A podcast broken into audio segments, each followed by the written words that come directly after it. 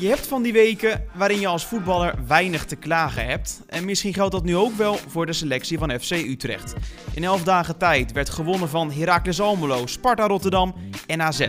En dus valt er genoeg moois te bespreken in deze episode. We hebben het over ballen in de kruising, natuurlijk een wedstrijd tegen Pek Zwolle en heel veel meer.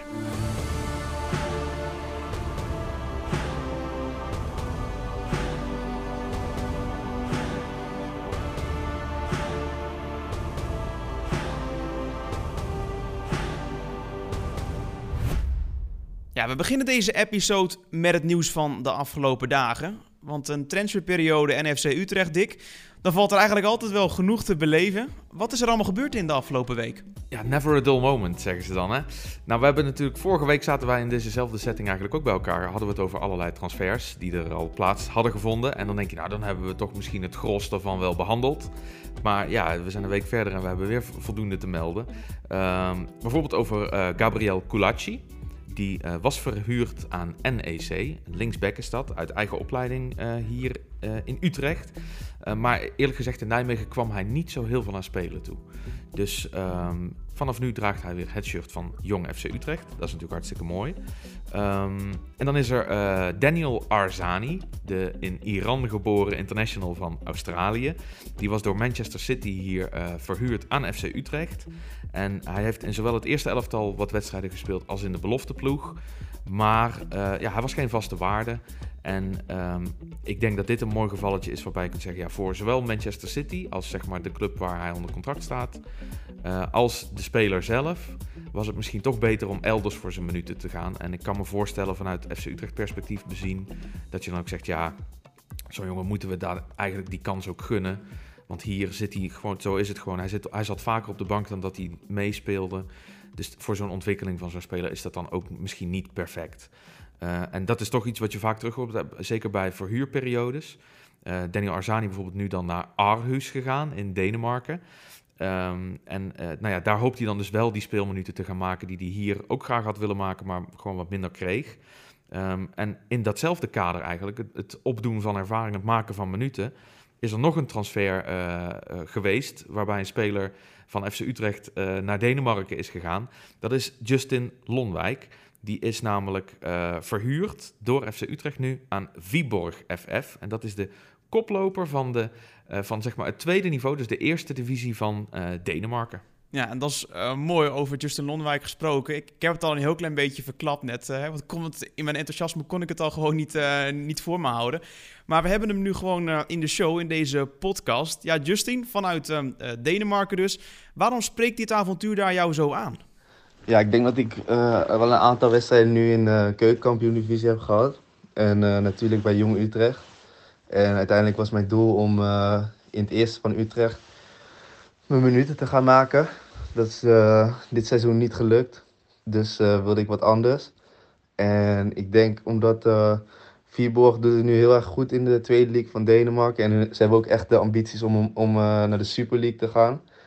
En de manier van hoe ze spelen en wat ze zochten sprak me heel erg aan. Dus ik denk dat ik hierin goed pas en mezelf ook kan ontwikkelen. En ook voor iets moois kan gaan spelen. Dus om, om natuurlijk kampioen te worden en uh, omhoog te gaan in de league.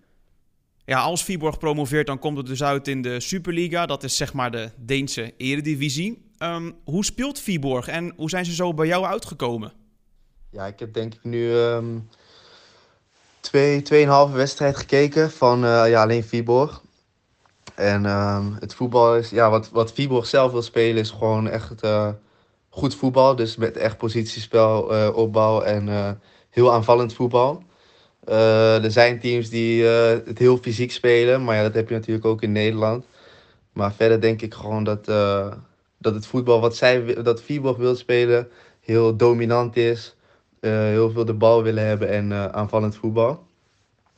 En daarin hadden ze een dynamische middenvelder nodig die een beetje box-to-box -box speelde, ging spelen hier. En ja, ik denk dat, dat mijn kwaliteiten wel box-to-box zijn. En, en vooral dat ik in het aanvallende gedeelte hier heel veel kan brengen. Omdat ik een hele vrije rol heb. De, de spelers om me heen die, ja, die zijn iets meer verdedigend op het middenveld. En dan heb, je, heb je mij die, dat ik gewoon mijn eigen ding kan gaan doen en veel aanvallende inbreng kan geven. Nou, dat klinkt in ieder geval alvast goed, Justin. Maar wat ik me wel eens afvraag, we hebben nu natuurlijk te maken met corona. Dat is in ieder geval hier in Nederland aan de hand, dat weten we allemaal.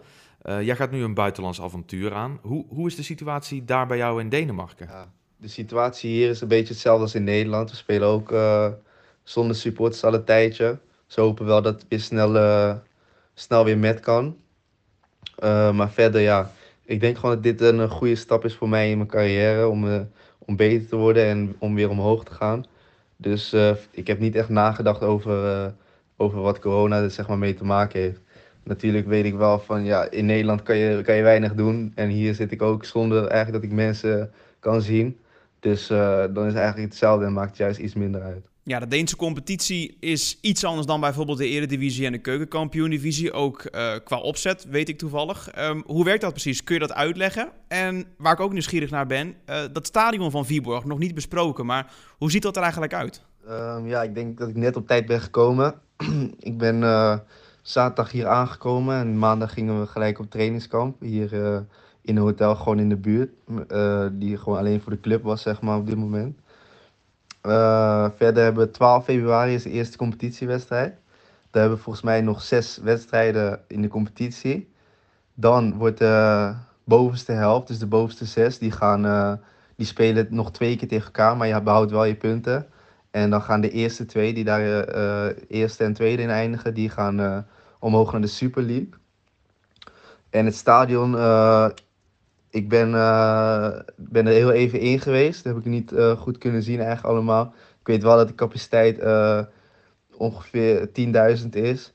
En dus dat is een beetje hetzelfde als het Sparta-stadion in Nederland.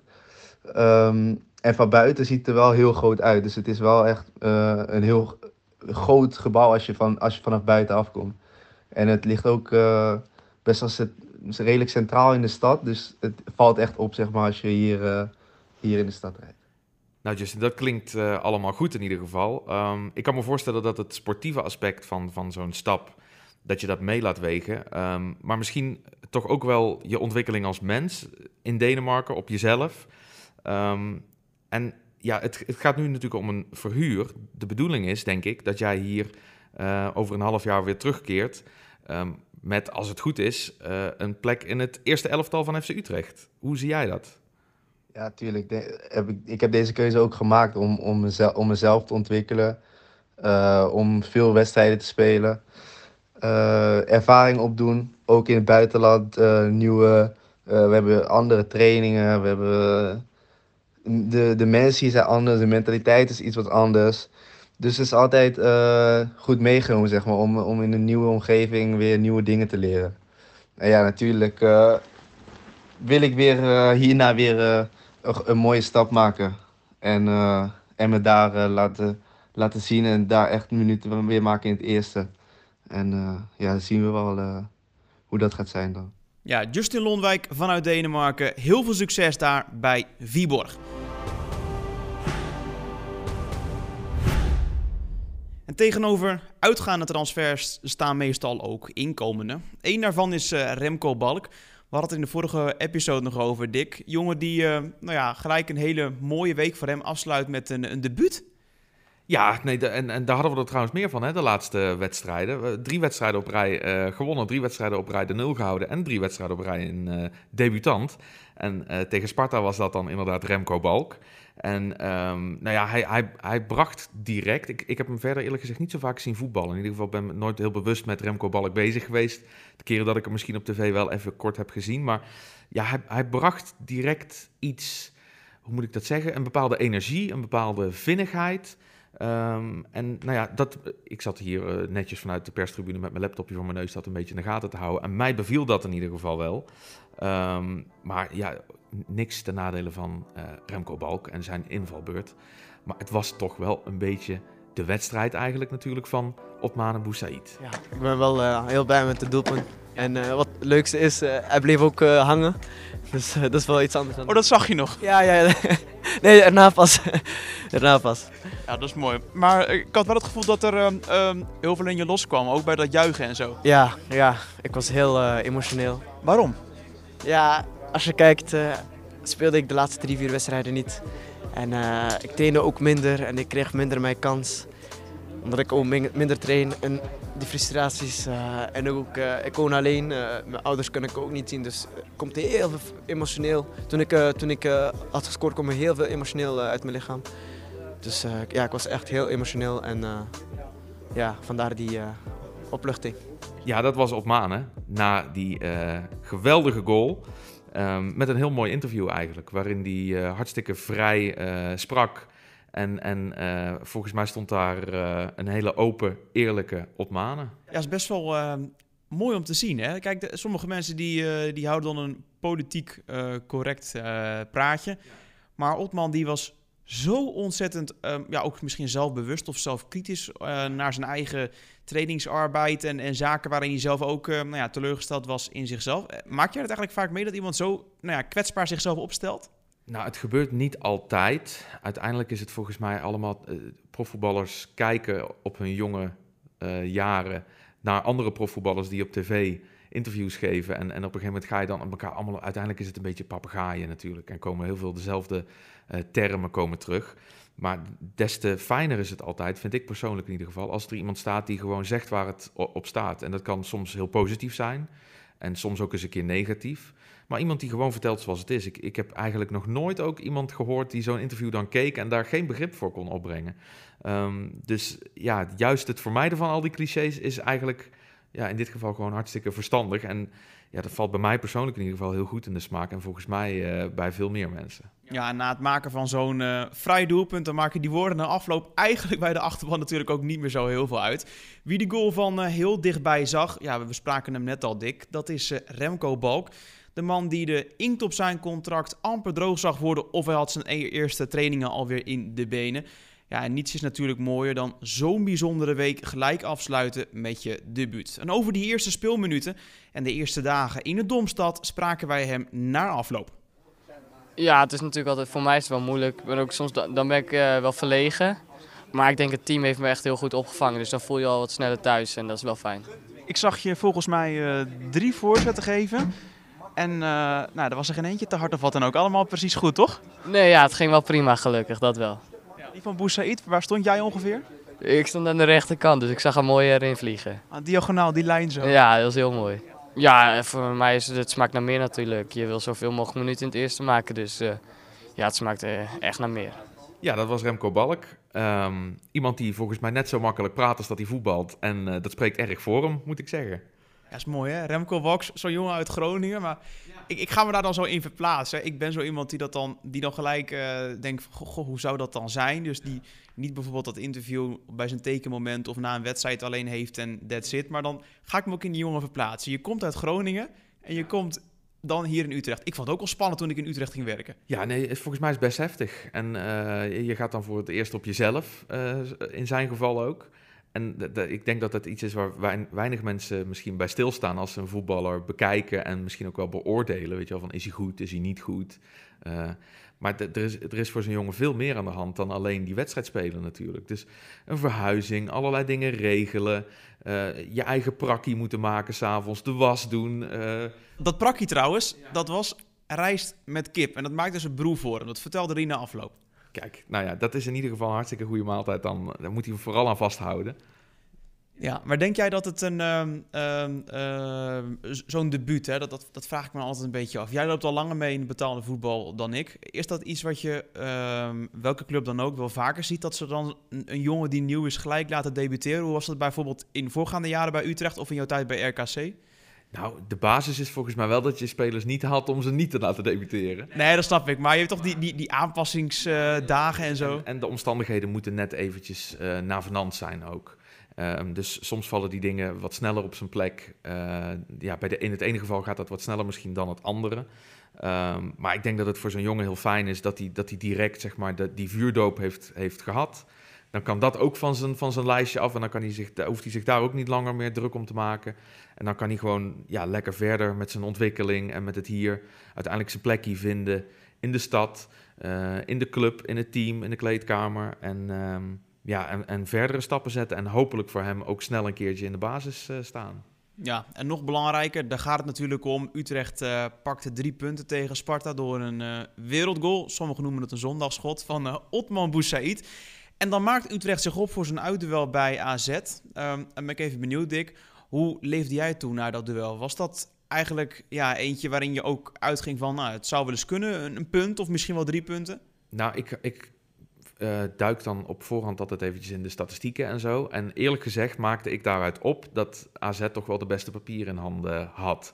Uh, klein voorbeeld, bijvoorbeeld dat AZ maar één wedstrijd had verloren uh, dat seizoen. Um, en, en dat was toen ook nog eens daags na een, een trainerswissel. Dus toen was er kennelijk even onrust daar in die kleedkamer ook. Misschien waren ze even van de leg. En nou ja, dat ging toen allemaal niet zo best die dag. Ehm, maar ik dacht eerlijk gezegd, oké, AZ uit is echt wel een hele zware wedstrijd.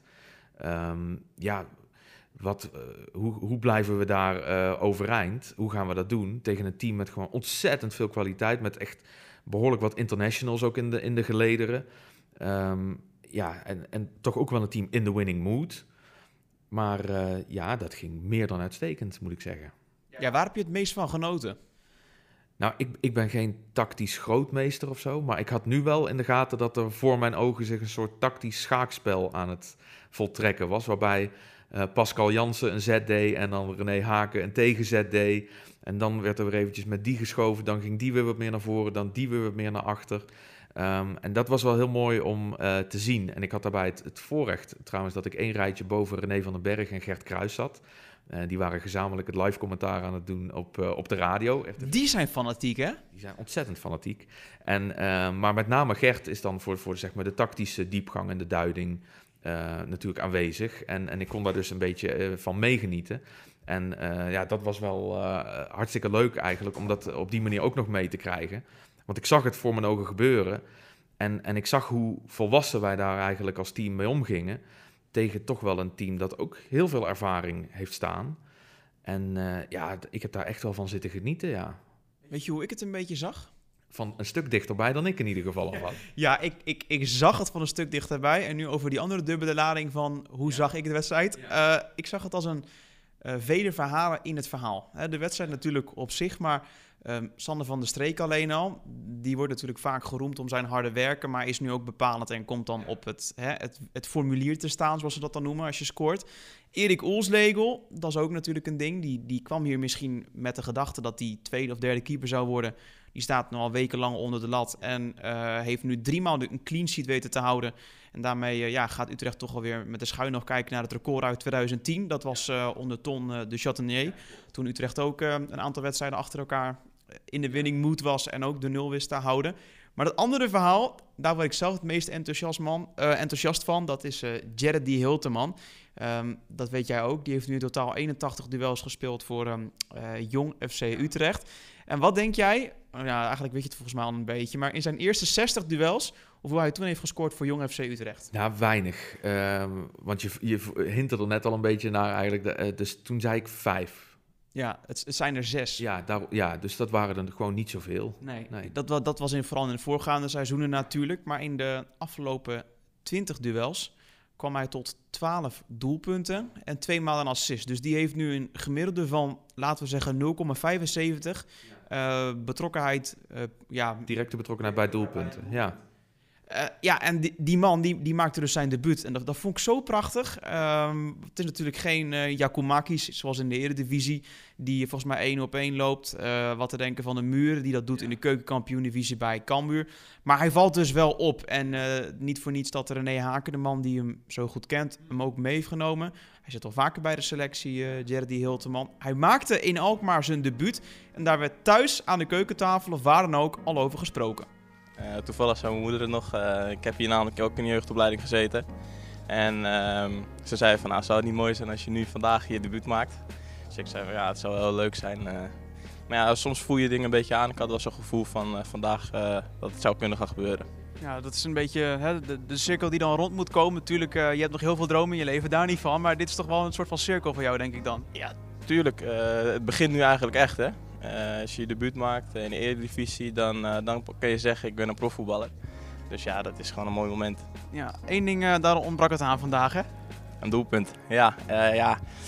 Ik, eh, ik had het gevoel van toen we de counter met eh, Sila eruit kwamen, dat, eh, ja, het team zou kunnen steken. En eh, ik had wel het gevoel dat ik eh, vandaag hem erin zou schieten. Maar dat, dat had niet zo mogen zijn. Die bewaar ik nog voor de volgende keer. Ja, en nou aankomende vrijdag NEC uit met Jong FC Utrecht en zaterdag eh, met het eerste Zwolle thuis. Hoe moet dat nou? Eh, ik moet heel eerlijk zeggen, ik weet nog niet precies wat de planning is. Eh, dus dat zal ik vanavond wel te horen krijgen. Ik focus me nu gewoon op het moment voor NEC. Ehm, en als ik met het eerste mee mag, ja, dat is gewoon hartstikke leuk natuurlijk. Maar voor nu NEC. Leuk hè, dat je nu die, die dubio's gaat krijgen. Ja, ja, ja, ja zeker. dat is hartstikke mooi. Dat zijn de problemen die je graag wil hebben. Ja, Jerdy Hilteman als een kind zo blij in een soort van nou ja, bruin café in Alkmaar. Want daar vonden de interviews plaats. Na afloop van het 1-0 gewonnen uitduel bij AZ. Ja, Jerdy Hilteman die dus zijn debuut maakt. Hoe heb jij daarna gekeken? Want ook jij hebt hem, net als ik, zien spelen op bijvoorbeeld de Westmaat met Jong Ja, FC zeker, Utrecht ja. in voorgaande jaren. Ja, ja, afgelopen zondagavond nog in Kerkrade zelfs zag ik hem in actie met eh Jongens Utrecht tegen Roda JC. Nou, wat ik, we hadden het er net al even over eh, in relatie tot Otmane Boussaïd. Die gaf eh, heel open en eerlijk allerlei dingen aan voor in dit geval jouw microfoon. En eigenlijk deed Jerry Hilterman, eh, nou een maand of vijf geleden denk ik hetzelfde. Toen hij met jou sprak over eh, nou ja, het seizoen dat, dat zeg maar toen op punt van beginnen stond. En wat zijn doelen dan waren, wat zijn verwachtingen waren. En toen had hij, eh, hij is niet op zijn mondje gevallen, volgens mij mag ik dat wel zo zeggen. Toen had hij met, met enige bravoure, noemde hij geloof ik dat hij 15 keer ging scoren. Nou, toen keken jij en ik allebei ook naar de cijfers, dus dachten we, oké, nou dat, is, dat zou dan een behoorlijke eh, toename van je moyenne moeten gaan betekenen, want tot nu toe is dat niet wat je laat zien. Maar hij was daar eh, helemaal eh, zeker over, dat ging hem lukken, daar ging hij keihard voor werken. En nou ja, hij staat op 12 en het seizoen is pas, pas net over de helft. Dus hij ligt prachtig op schema. En, en dus dat, daar moest ik aan denken eigenlijk toen hij inviel van... Goh, hij had voor het seizoen had hij bepaalde verwachtingen. En, en misschien ook nog ergens stiekem wel de hoop van... Nou, als ik dat dan inderdaad doe, als ik al die goals maak... misschien krijg ik dan ook eens een keer mijn kans in de hoofdmacht... en maak ik speelminuten in de eredivisie. Dus dat schoot een beetje door mijn hoofd toen ik hem daar zeg maar, langs de lijn zag staan om zich klaar te maken. Toen dacht ik, Paul Jerry, je hebt, je hebt eh, redelijk hoog van de toren geblazen voor aanvang van het seizoen. En je maakt het meer dan waar ook. En dat vind ik wel heel leuk. Ja. Ja.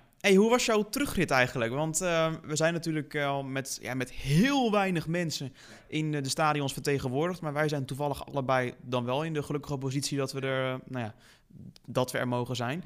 Ehm, heb jij nog een mooie werkgeversverklaring moeten laten zien? eh? Ja, nee, ik, ik, ik ben wederom eh, niet eigenlijk. Afgelopen zondag vanuit Kerkrade naar mijn woonplaats gereden. En eh, daar eigenlijk niemand tegengekomen. Ook niemand die me om een of andere verklaring vroeg. En datzelfde gold afgelopen woensdag. Maar wel raar hoor. Op, op zo'n zo'n zo goed als verlaten snelweg. Maar goed, ja, in dit geval had het wat mij betreft... had de rit nog honderden kilometers langer mogen duren. Ik zat wel met een lekker gevoel in mijn auto eigenlijk... naar die, ja, naar die derde drie punten op rij. Kacheltje aan. Ja, precies. Ja, jij ook neem ik aan, toch? Ja. Absoluut. Ja, de wedstrijd eh, bij AZ die zit er amper op. Eh, of we kunnen ons, alweer gaan opmaken voor eh, Zwolle thuis. Twee dagen nou ja, herstellen of voorbereiden. Dat kon de ploeg van eh trainercoach René Haak, of eigenlijk hoofdtrainer moet ik zeggen, ja, zich allemaal nog veroorloven. Eh, ik herinner me vooral een ehm, eh, vervelende reeks aan uitwedstrijden bij Zwolle. Met vooral hele gekke slotminuten die we daar hebben beleefd. Soms in ons voordeel. Bijvoorbeeld in de tijdperk dat HLR in de laatste minuut nog wel eens een gelijkspel of een overwinning over de streep trok. Maar hoe zit dat eigenlijk in Stadion Galgenwaard? Nou, we staan er wat dat betreft redelijk goed op tegen Zwolle eigenlijk. Van de laatste elf keer dat we tegen ze hebben gespeeld, hebben we maar één keer eh, verloren. Dus dat is op zich prima. Ehm, en iemand die ik toch eens even graag wil uitlichten in dit kader, als we het een beetje over feitjes eh, hebben, eh, is Django Warmerdam. Want we hebben het over, over een druk programma. En het is een druk programma. Maar Django Warmerdam is misschien zonder dat eh, al te veel mensen het in de gaten hebben, is op dit moment nog één van de vijf veldspelers in Nederland. Dus keepers tellen dan niet mee. Een van de vijf veldspelers die nog geen minuut heeft gemist dit eredivisie-seizoen. Dus als iemand zeg maar echt in de turbo-stand staat vanaf eigenlijk het moment dat hij hier binnen is komen wandelen, dan is dat wel eh, Django Warmerdam. Dus die wilde ik graag in dit kader toch nog eens even benoemen. En bij deze heb ik dat gedaan. Ehm, ik vind het ook leuk om de focus even te verleggen naar, eh, ja, toch naar de achterhoede. En dan kom je al snel meer specifiek uit op keepers. We hebben het namelijk over het houden van de nul. FC Utrecht is al drie wedstrijden op rij gewonnen en de nul gehouden. De laatste keer dat FC Utrecht vier keer op rij won en de nul hield. Dat was inderdaad wat je net zei in 2010 onder leiding van Ton du Chatinier. En toen was het uh, Michel Vorm die op doel stond namens de FC. Nu is dat natuurlijk uh, Erik Oelslegel. Wacht hem dus nog een hele mooie carrière. Nou ja, inderdaad. Ja, Nederlands international zal hij helaas niet gaan worden trouwens. Ja, Duits. Hij zat een keer bij het Olympisch team. Ja, nou daarom. Ja, wie weet. Maar um, nou, er lonkt wel een erg mooi uh, all-time record. Um, oftewel record aller tijden, op, op goed Nederlands gezegd.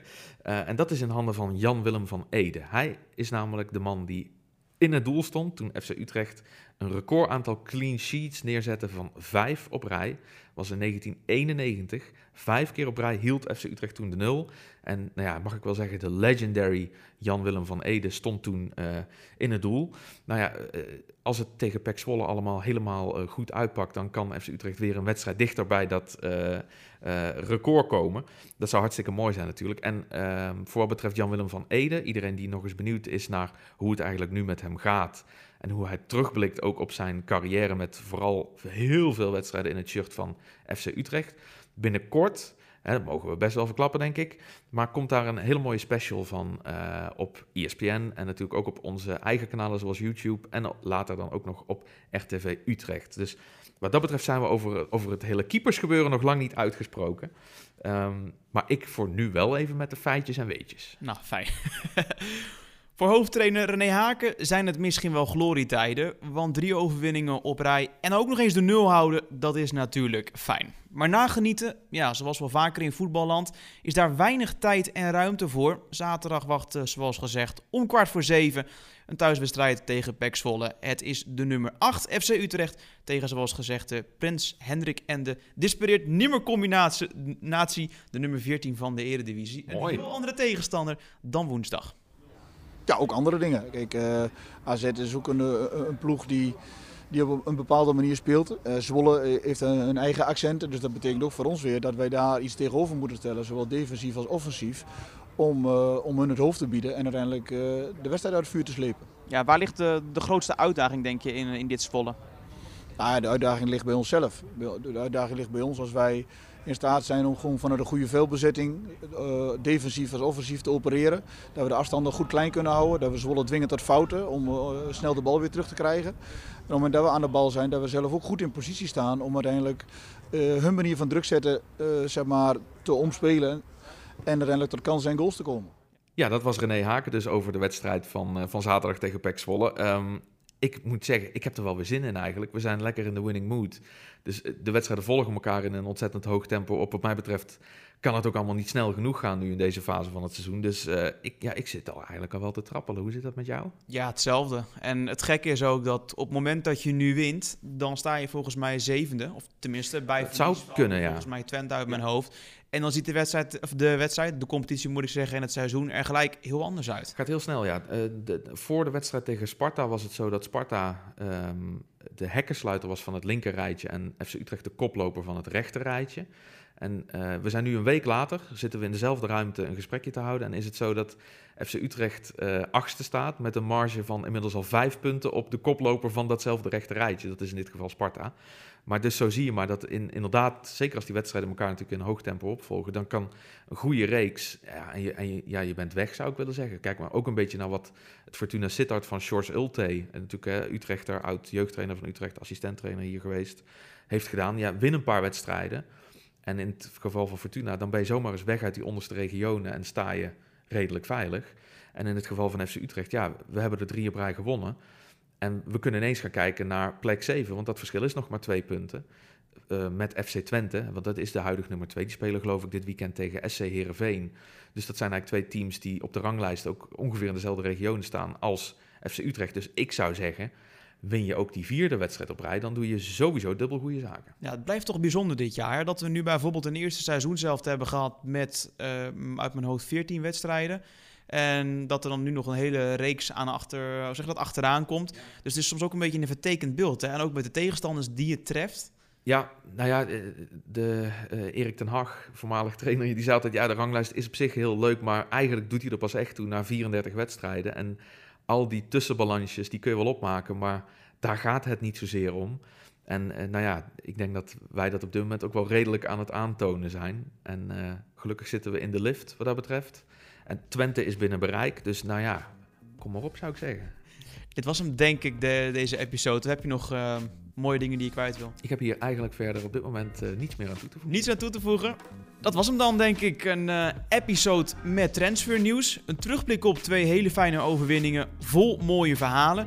En natuurlijk hebben we ook voorbeschouwd op FC Utrecht tegen Zwolle. Wederom, Dick, een eh, episode eh, zonder gastspreker. Maar wel eh, jouw rol als sidekick. En natuurlijk tunede vanuit Denemarken nog iemand in. Dat was namelijk Justin Lonwijk. Goed, in de toekomst, wie weet, ehm, snel mogelijk. Dan wel weer met een gast.